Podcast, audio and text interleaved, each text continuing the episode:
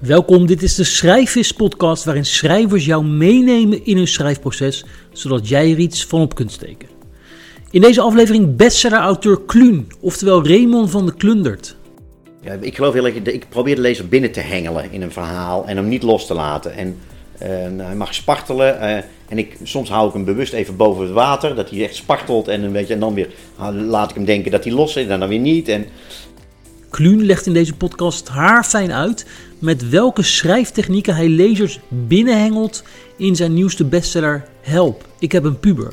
Maar hij vertelt ook over het ontstaan van zijn debuutroman Komt een vrouw bij de dokter, waarvan meer dan een miljoen exemplaren zijn verkocht. En dat begon allemaal na de dood van zijn vrouw, met gewoon plezier hebben.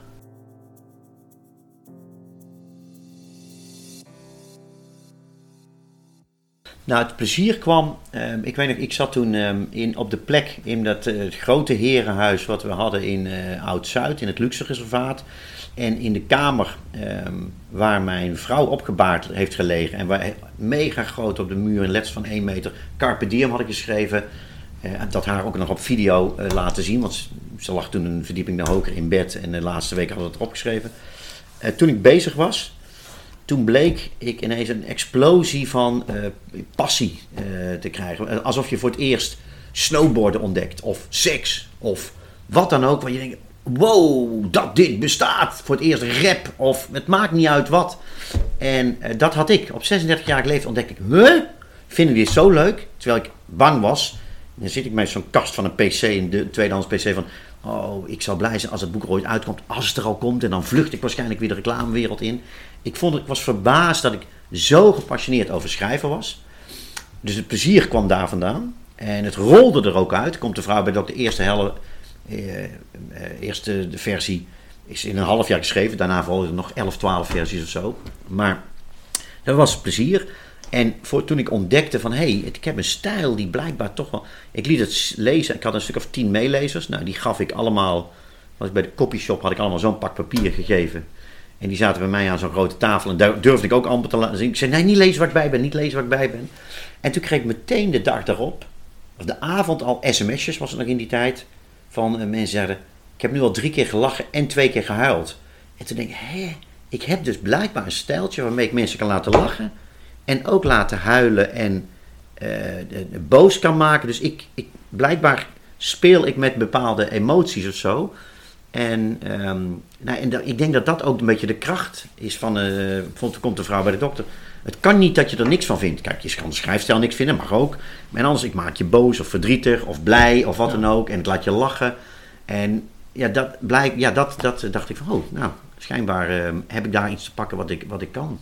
Ja, en uh, als je het vergelijkt met snowboarden, dan leer je allerlei trucjes en dingetjes. Ja, dan kom je van die berg af en dan het moment, nou, dat zei, of, het maakt eigenlijk niet uit welke sport, maar, of motorrijden kan ik me ook vast. Ik ben zelf geen motor, maar ik kan me zo voorstellen het genot dat jij zon op die motor, dat geluid, ja, ja. de vrijheid, nou dat, weet je als je. Maar wat, wat, wat, voor, uh, wat was dan jouw, weet ik veel, uh, jouw jouw salto in het schrijven, zeg maar. Wat, wat bij wat voor soort uh, zinnen heb je het dan over? Wat voor soort... Uh, uh, misschien moeilijk hoor, omdat heel nou, concreet ik maken, denk maar... wat ik wel... Ik denk ook bij Komt de Vrouw bij de Dokter heb ik heel erg gespeeld met... Um, dat ik de lezer... ik geloof heel erg... Ik probeer de lezer binnen te hengelen in een verhaal en hem niet los te laten. En uh, hij mag spartelen. Uh, en ik, soms hou ik hem bewust even boven het water. Dat hij echt spartelt. En, een beetje, en dan weer laat ik hem denken dat hij los is. En dan weer niet. En, uh, dus wat ik, een van de sal, dus wat jij de salto noemt. Is um, dat ik Ik laat Stijn heel lief zijn. En echt denk, denk jezus, is toch een... Goh, ik hoop dat als ik ziek ben dan nou, dat iemand me zo verzorgt. En letterlijk de bladzijde daarna laat ik hem ergens bel iets belachelijks doen dat je denkt, nee. Dus ik, ik zorg dat dat stemmetje in jouw hoofd dat weet wat de waarden en normen zijn. Dat ik daar continu, dat pingpong ik mee. Ja. Ik slinger dat stemmetje van de ene kant van je naar de andere kant. En dat doe ik heel bewust. Dus ik denk dat dat is de salto is. ja, en dat werkte dus. Dat, dat kreeg je dan uh, terug te horen. Uh, uh, nou, dat boek was echt een gigantisch succes. Echt, uh, ik denk dat er bijna een miljoen van zijn verkocht. Misschien een miljoen. Ja, in, uh, in Nederland net iets meer dan een miljoen. In, in totaal 1,3. En nee, dat, daar alle vertalingen en zo. En, Hoeveel landen is die vertaald? Ja, een stuk of 30 geloof ik. Of zo. Er zit ook de wetenaar bij hoor. En een paar obscure Bulgaarse, zelfs God is gek in het Bulgaars. God weet Nou, dat iemand zie ze daar. Senza di Lei. Dat Senza di Lei is eh, zonder jou in het Italiaans, de weduwnaar. En Mieten in zijn gezicht is eh, de Duitse, komt de vrouw bij de dokter. Nou ja, die titel die heb ik ook niet verzonnen. Ze hangen hier allemaal mooi in de standaard eh, Ja. naast het raam. Ja. Ehm, eh, dus ja, nee, het is, volgens mij, het is in ieder geval de best verkochte debuutroman, maar ehm, volgens mij is het de best verkochte roman van de laatste 50 jaar. Daarvoor zat Turks Fruit. Die is ook ongeveer op miljoen verkocht, maar dat kunnen ze niet precies meer halen. Ik Jan Kramer en Toon Kortooms, Beekman en Beekman, dus jaren 50. dat is Een streekroman, die heeft meer dan een miljoen exemplaren verkocht. Maar van de, in de laatste 50 jaar is er geen roman geschreven Ja, die evenveel heeft verkocht. Nou, daar ben ik best trots op. daar zou super trots op zijn. Ja, toch? tof dat ze daar zo hangen. ja, Ja, dat is geweldig. Ja, dat neemt niemand je meer af. Maar wat ik dan wel meteen denk, en dat is misschien mijn perspectief, dan, dan denk ik, dan wordt de druk toch gigantisch bij het volgende. ik heb dat helemaal niet. Kijk, mooi, zwaan, daar. Prachtig. Nee, eh, dat heb ik helemaal niet. Kijk, ehm, het kan niet, je, als je 1 miljoen exemplaren van een roman in Nederland verkoopt. Ik bedoel, Herman Koch heeft er 700.000 verkocht eh, van dit. En Ilja Pfeiffer heeft er heel veel. Het, het, daar kan je niet overheen komen. En als je er alleen overheen kan komen, zou het heel sterk zijn dat degene die die roman heeft geschreven, dat hij er zelf overheen komt. Maar ik, kijk, je kunt er twee dingen bekijken. Ehm, als ik, ehm, eh, ik ben een publiekschrijver, dus ik zou niet willen dat ik alleen voor drie grachtengordel eh, types lees. Nee. Ik wil dat een groot publiek mijn boeken leest.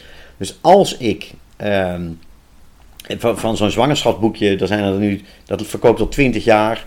En ehm, haantjes 150.000 en dit. Ehm, dat is de- 150.000 stukjes is heel veel. Ja. Maar niet als je het afzet tegen een miljoen, dan is het heel weinig. Precies. Nou, ik zou er zelf heel blij mee zijn. Precies, een daarom. Nou, dus, dus ik eh, zeg dat ook, als mensen zeggen van, ja, maar Jan, je hebt nooit meer succes bereikt van Komt de Vrouw bij de Dokter. Nee, dat kan ook niet. Dat is hetzelfde van, nou ja, je hebt één keer ooit de Champions League gewonnen, daarna nooit meer. Je hebt één keer een Emmy gewonnen. Nee, daarna kan je ook niks meer winnen, gek. Dat kan niet. Je kunt er niet overheen. Maar dat Ja. houdt me, ik vind Ja, maar er zijn natuurlijk altijd voorbeelden te vinden van een paar mensen die dat wel is gelukt. Ja, wie dan? Ja, niet in Nederland, maar weet ik Mozart, veel. eh, Beyoncé, Ja, ja, precies. ja, eh, dat soort eh, Tarantino. Ja, ja. Maar je bent dan wel zo down earth dat je denkt van misschien ben ik niet de Beyoncé. voor Nee, dat ben ik ook niet. Ik, ik weet wat ik goed kan en ik weet ook wat ik niet kan. En eh, niet godsgift aan deze literaire wereld ben, maar wel een redelijk goede verhalenverteller. Ja. Ehm, nee, ik, ik, heb, ik voel daarbij geen enkele druk. Ja. Echt niet. Het grappige is, oh, ik heb het gelezen echt lang geleden. En Mhm. eh, soms is het heel raar welke scènes je dan herinnert of zo. Ja, is er bij jou? Mijn de scène die ik me dus herinner, Ja. uit, volgens mij de weduwnaar, is eh, dat hij met twee vrouwen eh, naar Ja. bed gaat. En dat hij de volgende dag iets zegt van, eh, eh, dat zijn jullie toch een sletten of zo? Oh, dat en, weet ik niet meer. En, en dat, dat hij, en dat zij dan zeggen, Ja. zijn wij sletten, jij bent Jij bent de grootste hoer van Amsterdam. ja, Je staat bekend als de grootste hoer van Amsterdam. dat, ja. dat, die, dat herinner ik me. Ja, daar was ik ook best wel trots op, op die vondst. Dat was wel een... eh, dat het echt omgedraaid wordt en dat ineens een soort in your face... Dat zeg maar, dat mannelijke eh, machismo, wat nu door het gel- gelukkig... eh, zijn we daar, zijn we, onze, de nieuwe generatie jongens... Die vinden het toch, toch wat minder cool dat ze met zoveel vrouwen naar bed zijn geweest. Maar in de tijd dat ik opgroeide was dat heel cool. Ehm, maar dat het om werd gedraaid. Van nee, jij bent een hoer. Ja. En zo sta je bekend van, nou Stijn, als je, als je lekker, lekker potje wil neuken, dan bel je Stijn toch even. Dan, eh, jij wordt gewoon gezien als, eh, oh, zo kan het ook. Ja, die vond ik ook, Ja. was ik ook wel heel blij mee met die vondst. Maar ehm, van daaruit gezien, wa- waar ik ook altijd nieuw naar ben met schrijven, heb jij ideeën over hoe je een goede seksscène schrijft? Ehm, ja, ja, ja, ik vind bij een, ehm, eh, als je mensen wil laten lachen, dan moeten ze ook lachen. En als jij iets heel emotioneel, nou ze hoeven niet per se te huilen, maar ze moeten wel een brok in de keel. En goede seks zijn, ja, je moet er toch een beetje geil van worden. Of het moet, weet ik veel, als je, ja, als, twee mannen het met elkaar doen en je hebt, je hebt niets met, eh, eh, met gays, en die- liefde of seks, Hmm. ja, dan word je daar niet geil van, of andersom. Maar ik probeer wel toch dat je een beetje, en dan mag het ook wel wat grof zijn. Ja, en wat is dan het verschil? Wanneer wordt het porno? Ehm, ja, het- ja, dat is hetzelfde. Wanneer is iets literatuur of zo? Dus het mag best een beetje geil zijn, maar ik vind het ook leuk. Maar je bedoelt grof in de zin van dat je dingen bij hun naam noemt, Ja. zeg maar. Ja, dat, ehm, en eh, ik vind het leuk. Ik volg ook op Instagram eh, schrijvers en piemels. Vind ik altijd leuk om te lezen. Dus Ja. er zijn duizend manieren om dat te doen. En iedereen heeft zijn eigen stijl. Schrijvers en piemels, wat doet wat? eh, Dat is een, eh, een, een, ehm, eh, Instagram-account. Die, hebben, die, ehm, eh, die zoeken alle seksscènes in de Nederlandse literatuur. Ah, lang. En, eh, en echt heel erg leuk. En dat gaat van de jaren 20 van de vorige eeuw tot, nou ja, noem maar allemaal op. En Ja. alle vormen van eh, seks en eh, voorkeuren. Eh, op een literaire manier, Ja, wat dan literair is geschreven. En Dus jij zegt van een goede seks en dan moet je een beetje geil worden. ja, het moet Dus- wel iets geils in zitten, ja, vind Ja, ik wel. ja. Je moet, eh, of het moet zo grappig of, grappig of tenenkrommend zijn, dat kan ook. Het ligt eraan wat je ermee natuurlijk wil wat je ermee bereiken. bereiken. Maar als Of je als- moet echt denken, nee, gadver, wat grof. En ja, Brad Easton Ellis, die heeft bijvoorbeeld een scène in De Figuranten, waarin die, ehm, ehm, hij laat ehm, twee mensen worden ontvoerd, en, eh, of die zitten vast. En ehm, stel mannen, die laten die man en de vrouw zich verplicht met poep insmeren. Dat vinden zij seks. Nou, ik vind geen seks. Maar wow, dat is zo heftig. Echt. Dan denk je, nee, nee, nee. Nou, dat is ook een goede seksscène. Ja, Dus dus het moet, het moet je eigenlijk uit je comfortzone ook een beetje ja, halen. Een ja, beetje, dat moet je uit je comfortzone halen. En laat ik zo zeggen, het moet doen wat de schrijver wil dat het doet. Want heb jij hierover nagedacht toen je de eh, Komt de vrouw bij de dokter schreef? Of heb je dat Zeker. toen eh, toen, toen, ja, hoe, hoe stond jij er toen in, zeg maar? Nou, wat ik wilde, is, ehm, ik wilde het contrast laten zien van de- een stel dertigers, eh, zo- zo- zo'n jaloersmakend stel dat alles voor elkaar heeft, een mooi kindje en een mooi huis, eh, dat die dan eh, ontdekken dat het leven niet maakbaar is. Mhm. En die vrouw, die moet dat, die, die moet dat accepteren, omdat die voelt de, de chemokuur en de kanker in haar borst, et cetera. En die Mhm. man tegen de klippen op weigert hij dat te accepteren. Eh, en hij gaat mee met zijn vrouw. Hij is de enige die op al die chemokuren is. Hij is de enige die... Maar eh, hij doet ook iets anders. Nou, dan heel bewust maak ik eh, die seks ook grof. Omdat het contrast dan... En heel bewust maak ik van Stijn iemand die gek op tieten is. zodat het lekker contrasteert, met die borstkanker. Dus het zijn hele bewuste keuzes die ik heb gemaakt als Ja. schrijver daarbij, ja. En dat, dat zeg ik ook altijd in mijn, in mijn schrijfcursus aan mensen. Ik zeg, ja, luister, het maakt me niet uit wat je vertelt, wat je me wil vertellen, maar kies bewust dat wat je me wil vertellen, dat je dat op een manier doet dat die ook bam bij me binnenkomt. En dat kan humor zijn, of het kan ontroering, of het kan Ja. mooi geschreven, maar maak bewuste keuzes. Je bent een van de ja, toch wel bekende schrijvers in Nederland. Je woont op een woonboot. ja. Doet dat nog wat voor je, voor je schrijven ook, denk je? Ik weet het niet. Ik weet niet als ik, hoe het zou zijn als ik niet op een woonboot woon. Nee, dat weet ik wel. Ehm, nou, ehm, ik weet niet of het de woonboot wat doet, maar het, ehm, dit vind, ik vind dit een hele fijne ruimte. Ja. Vroeger werkte ik, ehm, we hadden een vrij, eh, een vrij groot huis in, in Oud-Zuid. En, Mhm. eh, en toen ging ik scheiden, nou, dat, dat huis langzaam eh, verkocht. Maar toen werkte ik op de, op de bovenste verdieping. Met, en dat voelde echt als ik daar naartoe ging, ik ga werken. En ik vind deze ruimte je zo... de trap op, zeg maar. Ja, het is echt van, dan gaat Ja. papa gaat zich afzonderen. Ja. En eh, de hele dag in contact. En ik vind het heel prettig om de hele dag om wat, om wat te zien. Ja. Mensen over de brug te zien lopen. En ik ga zelden weg. Ik, ik ga ook nooit lunchen met iemand eh, als ik in het schrijven zit. Maar ik vind het wel prettig dat ik het gevoel heb dat ik onderdeel van de stad ben. Of als ik er even uit wil gaan, even hardlopen of even naar de bakker. Dat ik mensen zie, daar hou ik van. Ja. Ja, herken ik wel. Ik heb dan één boek maar geschreven. eh, maar ik vond een van de... Ik had een contract voor twee. Ik Ja. heb de tweede niet geschreven. Nee? En een van de lastigste dingen vond ik van een boek schrijven... Het is best wel eenzaam, toch? Je zit... Ja, je, je zit... Ja. Ja. in je- met, met een verhaal in je hoofd. Ja. Je zit best wel in je hoofd. eh, maar jij hebt daar denk ik minder last van. Want Nou, ik weet het niet. Ik weet niet of ik er minder last van heb, maar het is... Kijk, ik vind dat heel mooi. Kijk, je hebt twee dingen van het schrijver zijn. Het ene is ehm, eh, jezelf schrijver noemen en ehm, je lifestyletje daarbij. En dan denken mensen meteen aan boekenbal en op tv Mhm. en eh, signeersessies en interviews en podcastjes zoals nu. En dat is ook zo. ja, Maar dat is alleen maar eh, eh, 5% van het werk. Ja. En de rest is schrijven. Ik- Is denk ik het meest, nou ja, het, het meest saaie beroep eh, op de wereld. Maar als je boekhouder bent, dan zit je nog waarschijnlijk op een kantoor met mensen. Maar wij zitten inderdaad alleen. Maar ja, ik, ik kan heel goed alleen zijn de hele dag. Ja. Ik vind dat lekker. En dan is het, en op een gegeven moment zeker, ehm, als ik bezig ben met een boek en dat dreigt een beetje te gaan lopen, ik zit er lekker in, dan voelt dat boek echt als een persoon voor mij. En dan, ehm, dan, dan is het, eh, ja, dat voelt echt als een, ik en, ik en, mijn, eh, ik en mijn boek, alsof ik de hele dag bij, een, eh, nou ja, bij mijn kind eh, ben. ja, En- dan is het alsof je een met wezen is waarmee je communiceert. Ja, precies, daar communiceer ik mee. Ja. En, ehm, en, maar als het momenten dat het niet lukt, of wat ik vaak heb als een eerste idee voor een boek, nou dat is er. Ik heb altijd wel een stuk of twee, drie Ja. ruwe ideeën voor het volgende boek. En dat moet dan blijken of het ooit iets kan worden. En soms het heel goed. Bijvoorbeeld met mijn laatste boek Help, ik heb een puber. Nou, dat was best een goed ja, dan snap je wel meteen, oh ja, dat wordt zo'n boek. Best Maar- een e- eenvoudig idee natuurlijk ook. Eh, Je weet Precies. wat het ongeveer gaat worden. Je weet wat het gaat Een worden. eigenlijk. En meteen naar een rol. Ik heb altijd maak een documentje bij elk boek, dat heet Losse Flodders. Met de titel. En dan ga ik, schrijf ik alles op wat, ik, ehm, eh, wat me te binnen schiet. En dat gaat als een razende. Ik kan me echt een soort diarree van ideeën. En dat is allemaal leuk. Ja. En dan komt het eerste schrijven, dat gaat ook leuk. En dan ineens merk je, oh ja, dat is waar. Ik heb het nu al een keer of elf gedaan met boeken. Maar oh ja, shit. Het is gewoon echt werken.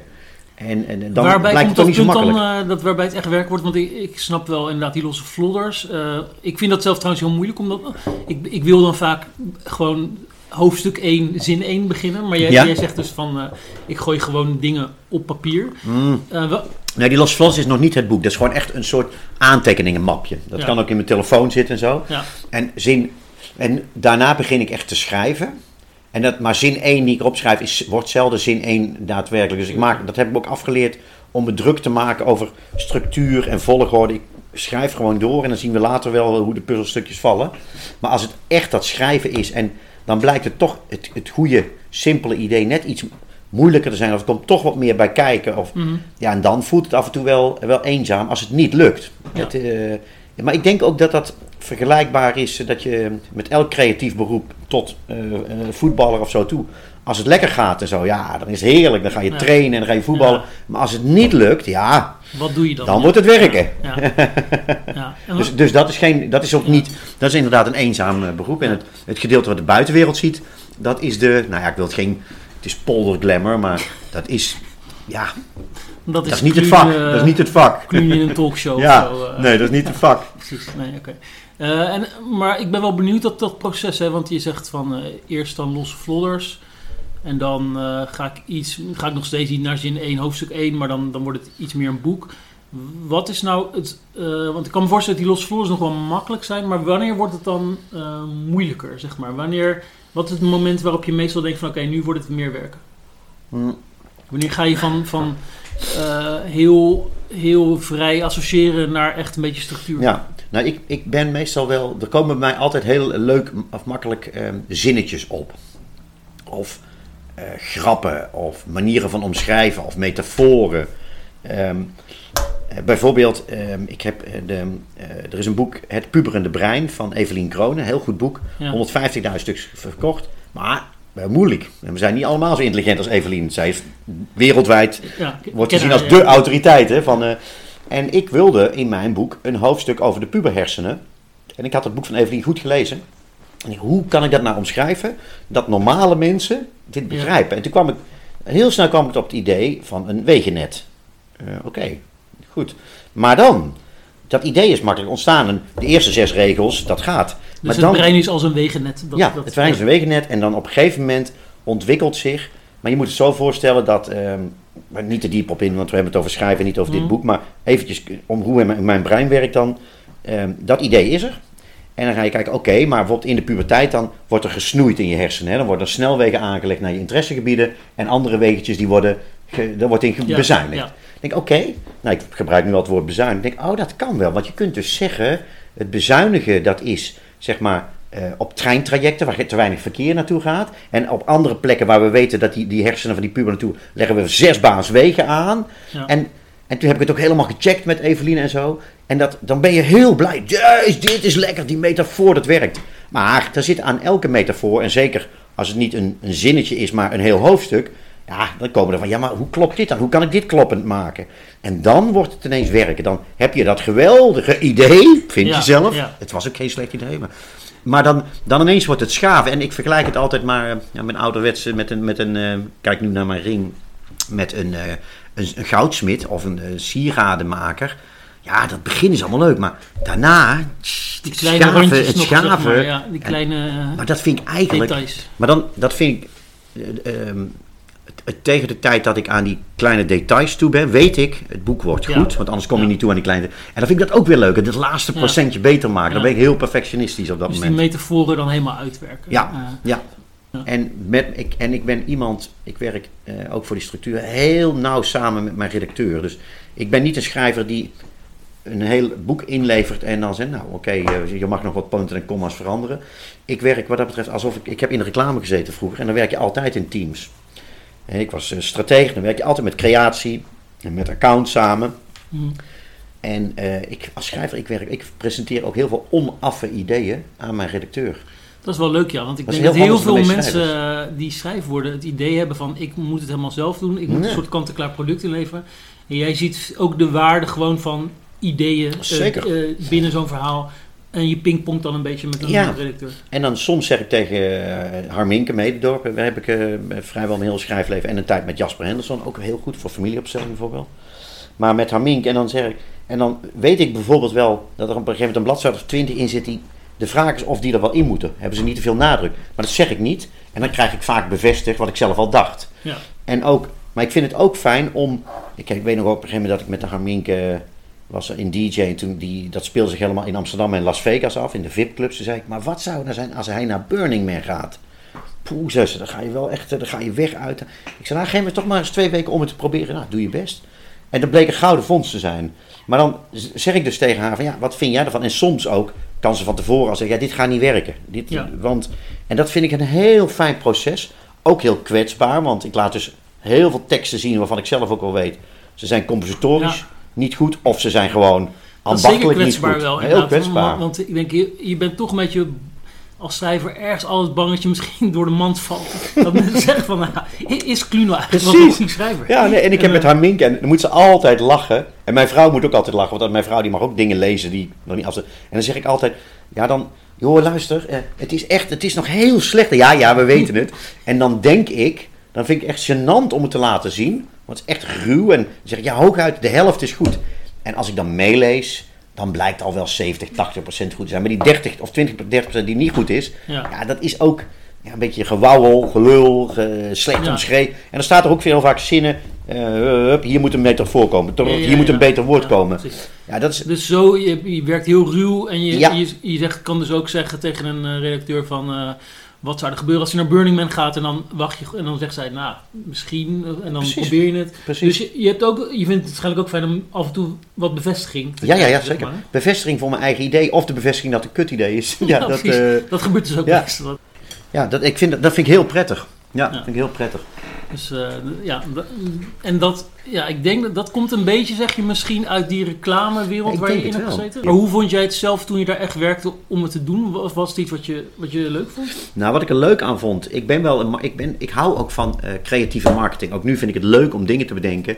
En ik leid ook een heel team met mensen. En ik vind het leuk om op social te zitten. Ik vind het leuk om dingen te bedenken die ook commercieel zijn. Ja. Maar wat ik daar echt vreselijk vond, en ik heb het 10, 12 jaar gedaan totaal, is eh, soms maak je iets waarvan je zelf wel weet, nou, dat is een zesje. En dan vond die klant het geweldig, omdat het weinig risico was en dan kon hij meer scoren bij zijn baas. En soms maak je negen en dan wist je, nou, dit is echt fucking goed. En dan werd het toch afgekeurd, omdat het ja, het budget of pff, watervrees. Dus je was altijd afhankelijk van wat de ander deed. Ja. En dat vind ik zo leuk van schrijven. Dat je gewoon kan doen wat je Je kan doen. En kijk, je redacteur kan zeggen, ja, ik vind geen goed plan, Ray.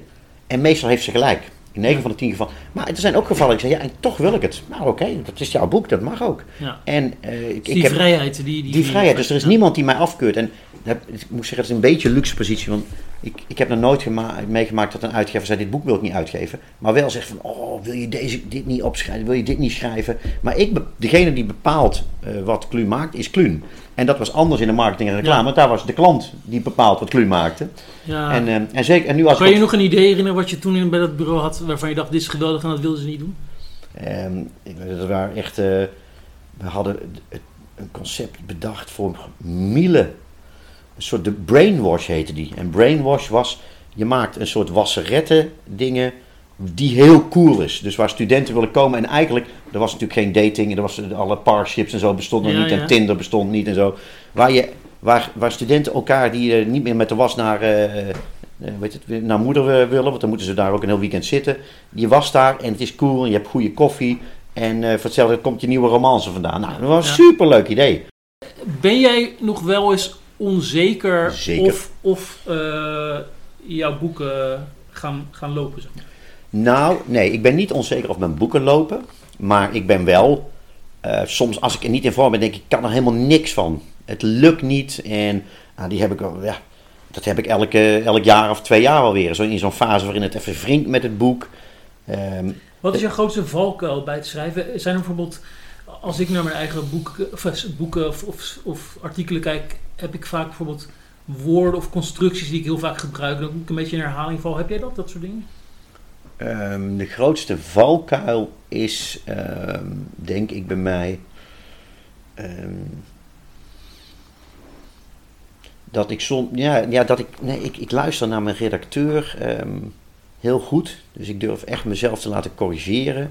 Ehm, nou, de, de grootste valkuil dat ik wel eens eh, de, tegen, dat ik het te- iets te dik bovenop wil leggen of zo. Als ik bijvoorbeeld nu terugkijk naar Komt de vrouw bij de dokter. Ehm, wat natuurlijk in zijn rauwheid heel goed is. Maar nu zou ik het anders hebben geschreven. Waarmee niet zeker is dat het beter was. Maar ik ben 20 jaar ouder.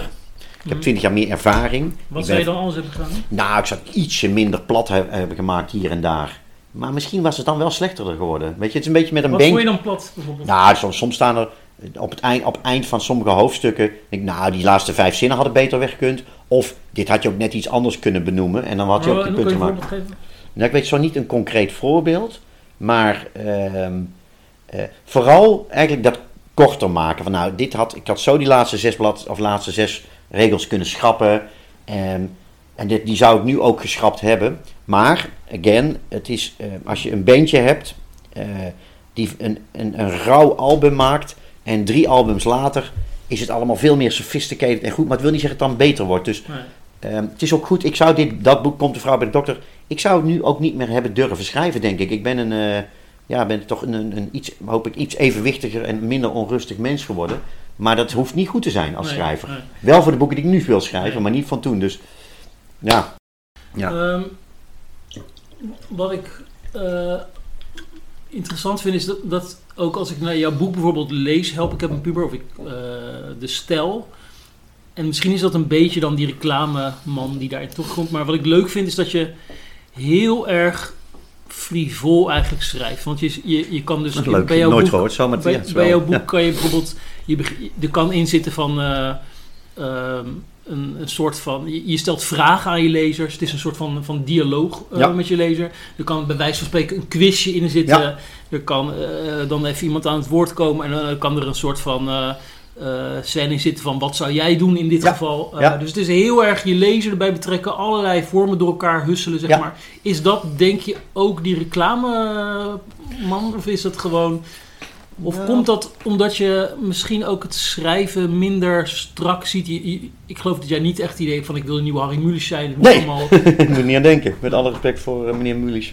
Nee, ik denk, het- ja, ja en ja. Eh, Ik vind frivol een heel leuk woord. Dat heb ik nog nooit zo, maar dat is ook zo. Ik merk, ik vind het super leuk om een totale vrijheid te geven, mezelf in vorm.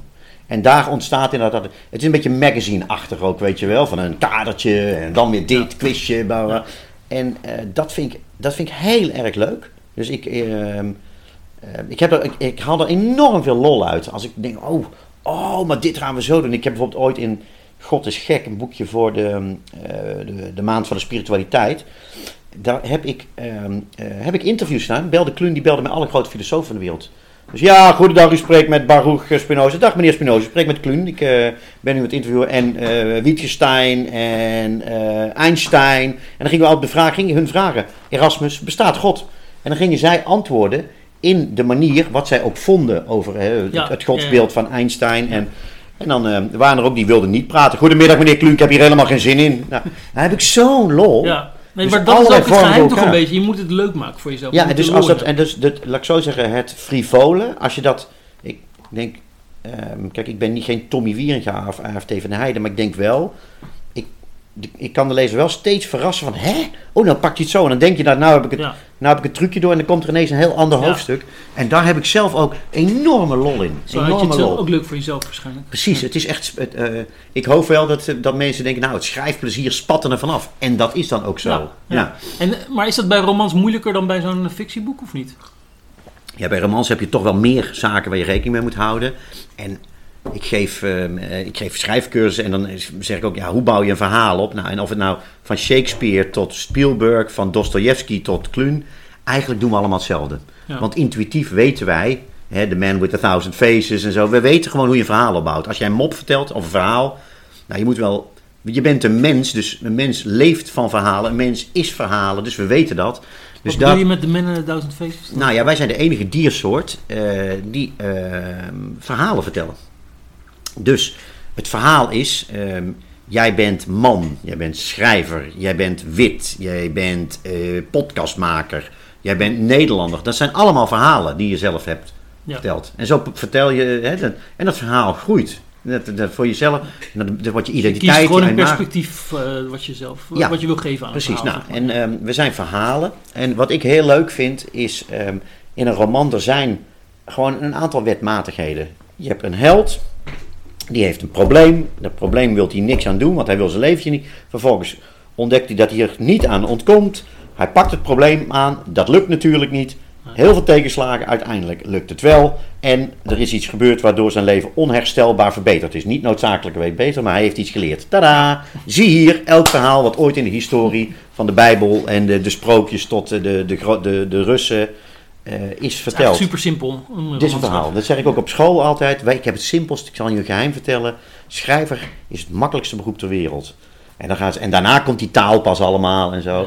Nou, dat, dat, dus in een roman heb je die opbouw, maar die volg je in- intuïtief al. En in een roman heb je inderdaad veel meer wetmatigheden. Je moet rekening houden met structuur. Wat is de spanningsboog? Wanneer moet je iets uittrekken? Wanneer moet je tijd verdichten, et cetera. Dus je vrijheid is minder, maar nog steeds. Ja, eh, je kunt van alles verzinnen. Ik hou zelf van korte hoofdstukjes, omdat als lezer ook, als ik aan een nieuw hoofdstuk begin, denk ik, oké, lees ik nog even door. Shit, nog voor 30 bladzijden. Dan heb ik vaak Ja. geen zin. Dus ik schrijf. Ik, dus je hebt nog steeds heel veel vrijheden in een roman, maar minder dan in een eh, boekje over eh, zwangerschap of pubers of, eh, of voetbal of zo. Ja, maar je kan er ook, kan je er bij wijze van spreken ook een quizje in gooien in een roman? Of in, Ja, of denk het wel. Ja, dat denk ik wel. Ja.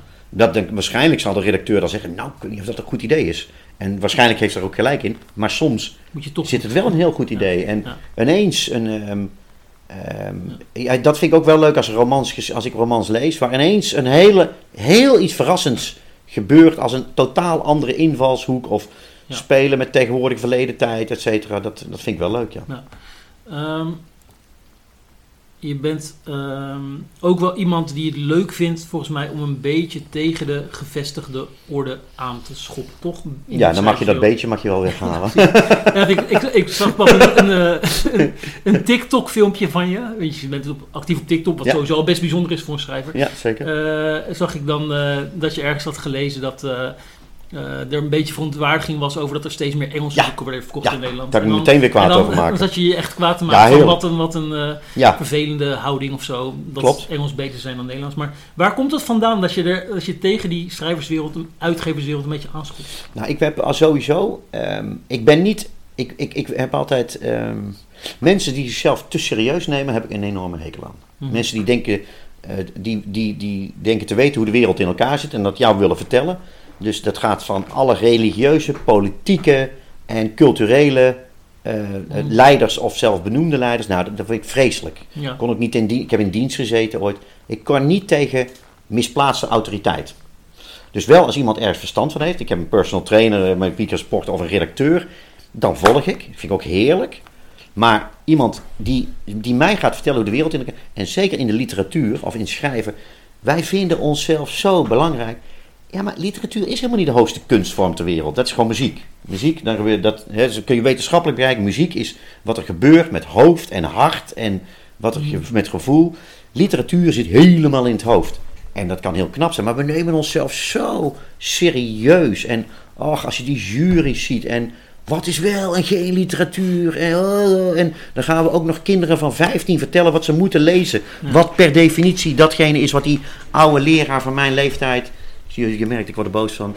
Ehm, die, die bepaalt wel wat goed voor je is. En die bepaalt dat je de, de grote drie moet hebben gelezen. Nou, je kan hartstikke goed opgroeien en een gelukkig mens worden. zonder één letter Reven of Mulisch te hebben gelezen of Hermans. Ja. Dus dat vind ik dan leuk om daar eens even flink tegen de keer te gaan. En zeker als ik dan om me heen zie en ik kom elke week op een school. Dus ik weet er ook meer van dan bijna elke uitgever en bijna elke schrijver. En als ik dan zie hoe populair Young Adult is. En als ik zie, als ik de prijs uitreik voor het beste jongerenboek van het jaar. Dat er een rij staat van hier naar de overkant van de Amstel. En jij ziet, dat is ver weg. Voor Victoria Swaap. Allemaal van handtekeningen. Wel bijna alleen meisjes, moet ik erbij zeggen. En er staat een rij die ongeveer de helft zo groot voor Tom de Kok, de, de Vlaamse eh, winnaar van het beste Nederlandstalige boek.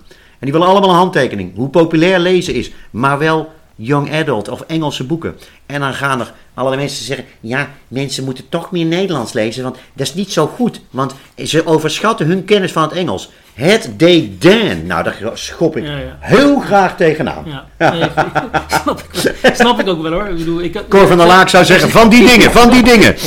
maar er zitten ook wel dingen in die soms ook bijzonder. Ik vind bijvoorbeeld zelf wel bijzonder ook dat op, op een gegeven moment als boekhandels slecht gaan, dan zit er ook altijd in boekhandels. Eh, zit, was er een tijd dat die ja, een beetje moeilijk hadden, nog steeds. Ja. En dan, en dan was het op Twitter zeiden ze dan van.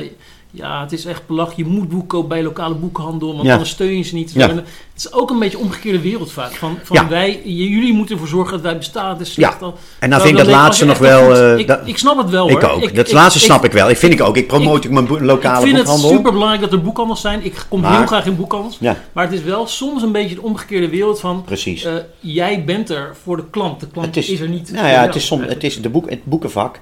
Het is aan de ene kant pompen we onszelf op tot de belangrijkste kunstvorm ter wereld. En je kunt niet overleven als je geen boeken leest. Nou, dat kan echt wel.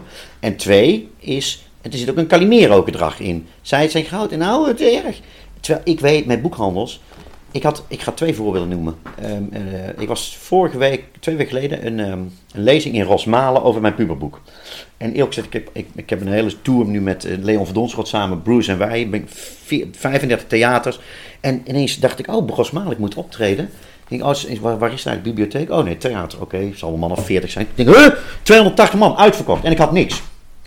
Nou, toen ben ik gaan denken, eh, verhaal in elkaar gaan zetten de dag van tevoren. En ik heb twee uur lang die mensen daarvan. Maar dat was, waarom was het uitverkocht? Omdat dat theater een hele goede eh, samenwerking heeft met de boekhandel en de plaatselijke bibliotheek. En na mij zat Lala Gul en zat ook vol. En, iedereen, dus, en die, die boekhandel, dat merkte die vrouw die er was, die had 80 boeken van mij meegenomen. Allemaal verkocht. Ik heb daar anderhalf uur staan te signeren. Maar ik merkte ook hoe die mensen met die boekhandel omgingen. Die kenden elkaar. Dus die boekhandel, die doet iets zo verschrikkelijk goed. Ja. Ik ken ook een boekhandel, ik zal niet de stad noemen, maar het is in Zuid-Limburg. Ehm, waar ik eh, binnenkwam en zei, nou, ik kom dan wel signeren. Ik had al gezegd, zijn er toch wel mensen? Nou, ik was bijna niet aangekondigd. Er zijn twee mensen geweest in een uur. En, die, en uiteindelijk, toen heb ik gezegd, nou, vind je het erg als ik wegga? Toen waren ze nog boos ook. En, en, wie was er niet? De eigenaresse was er niet. Er stonden twee medewerkers. En denk, nou, ik, mijn ego is niet zo groot, maar ik denk, als je een schrijver krijgt en je komt zelf niet eens eventjes kijken hoe is het om. eh, ja, en ik kreeg er ook geen cent voor, dat hoeft ook niet, maar ook geen bos bloemen of wat dan ook.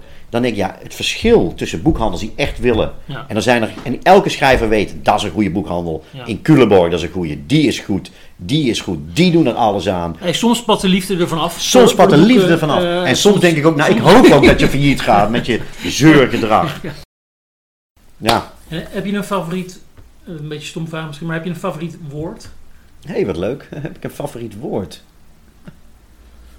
Ehm, nee, volgens mij niet. Nee, ik heb niet echt een Niet- favoriet niet een woord. woord wat je vaak gebruikt, wat je ook wel eens... Oh, dat zou ik in Google moeten. Zou ik in Google moeten eh, Ja.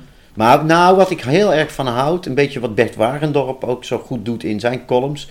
Ik vind het leuk om soms ehm, hele archa of archaïsche uitdrukkingen eh, eh, te gebruiken. Dan zijn de rapen gaar of zo. En dat doe ik in, dat, in mijn, eh, mijn non-fictie doe ik dat heel veel. In eh, al de, de Mhm. boeken die ik met Gippard schreef de, over voetbal, het eeuwige gezeik waarom we nooit wereldkampioen werden. Of in God is gek, of puberboek, puberboek. Eh, dat er ineens een, archa een uitdrukking die eigenlijk niemand meer, niemand meer gebruikt. dat vind ik heel leuk. Is er één boek of project wat je in je hoofd hebt? Eh, je hoeft het niet heel specifiek te zijn, maar is er iets waarvan je denkt van dat wil ik echt nog graag gedaan hebben, waar je, gedaan hebben en waar je nog niet aan, durft te beginnen of nog niet aan begonnen bent? Ja, er is een roman, eh, die zit al een jaar of tien in mijn hoofd, ehm, die zich afspeelt in de jaren tachtig, in, ehm, onder andere in Amsterdam. Eh, wat toen echt, een, ik, ik ging toen als jongen van 17, 18, ging ik vaak naar Amsterdam. En Amsterdam was heftig.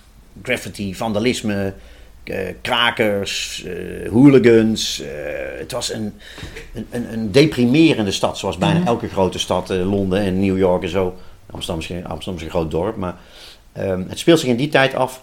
En het, ehm, ook in de tijd dat de militaire dienstplicht er nog was. En ik ben denk ik ongeveer de enige schrijver die in dienst is geweest. De rest allemaal, die hebben zich laten afkeuren of zijn te jong of weet ik veel eh, wat.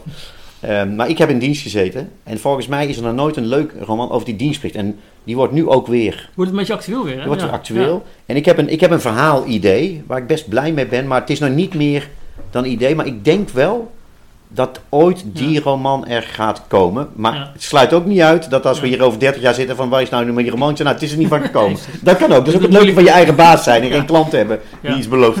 Nee, Je, je, je garandeert niks, inderdaad. nee, ik, nee, nee, nee, ik hou mezelf je hebt dus voor. dat hele idee van, eh, ik, moet, ik wil nog een keer... Dat, dat, je hebt, dat vind ik wel fijn, denk, ik dat het voor jou is. Eh, dat hele idee van, ik moet, ik, er komt de vrouw bij de dokter overtreffen. Nee, helemaal, niet. Echt helemaal niet.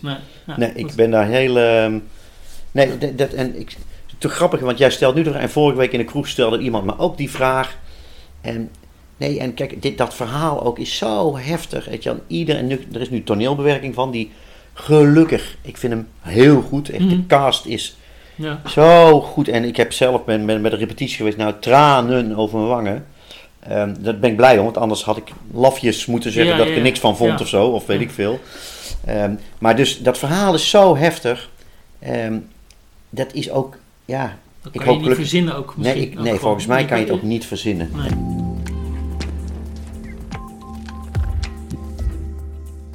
Leuk dat je deze podcast luisterde. Wil je op de hoogte blijven van nieuwe afleveringen? Ga dan naar schrijfvis.nl en schrijf je in voor mijn nieuwsbrief. En luister oude afleveringen terug via Spotify of Apple. Zoek op Schrijfvis Podcast.